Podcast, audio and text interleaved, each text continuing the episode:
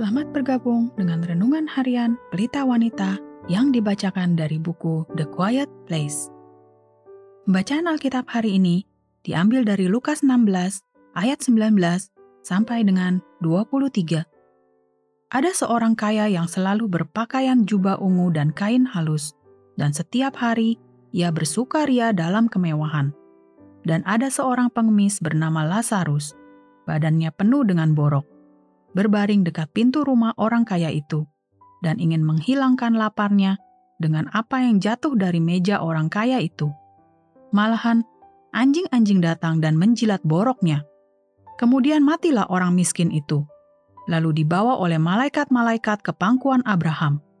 Orang kaya itu juga mati, lalu dikubur.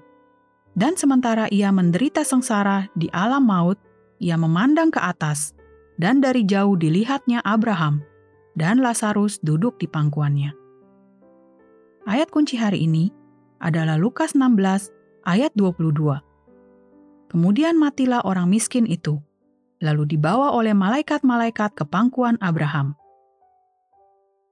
Dibawa oleh malaikat.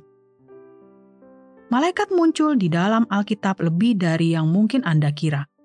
Mereka melakukan banyak peran yang luar biasa dalam hidup kita sebagai roh-roh yang melayani yang diutus oleh Allah untuk melayani mereka yang harus memperoleh keselamatan. Ibrani 1 ayat 14.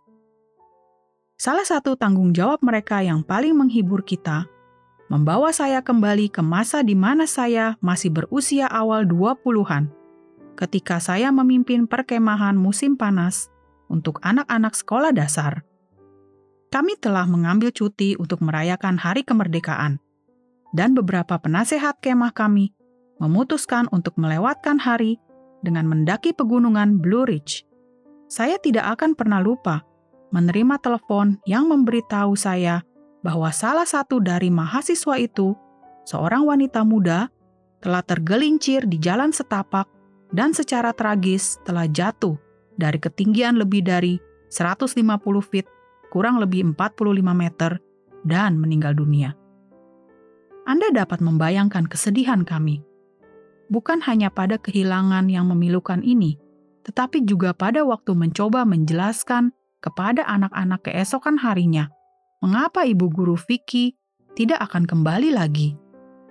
Tuhan mengingatkan saya akan bagian dalam Injil Lukas ini, di mana Yesus berbicara tentang malaikat yang membawa seseorang ke surga ketika ia mati.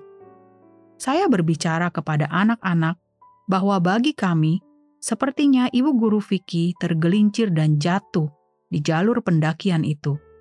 Tetapi apa yang tidak dapat kami lihat adalah bahwa Allah telah mengirimkan malaikat-malaikatnya untuk menjemput ibu guru Vicky dan membawanya ke Yesus.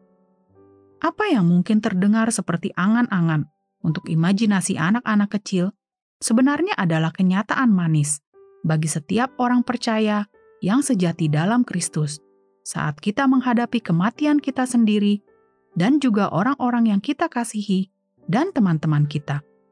Ketika Anda menemukan diri Anda ketakutan dengan pikiran dan ketidakpastian seperti itu, ketahuilah bahwa tidak ada anak-anak Allah yang harus berjalan sendirian ke kehidupan berikutnya. Malaikat-malaikatnya yang berkuasa setelah dengan setia menolong, melindungi, dan melayani kita di dunia akan mengantar kita ke hadirat Allah untuk hidup bersamanya selamanya. Sebagai penutup, mari kita merenungkan pernyataan ini. Bersyukurlah kepada Allah atas pelayanan para malaikatnya dalam hidup Anda sebagai orang percaya dengan cara-cara yang tidak terlihat selama Anda hidup di dunia sampai ke perjalanan terakhir Anda menuju kehadiratnya.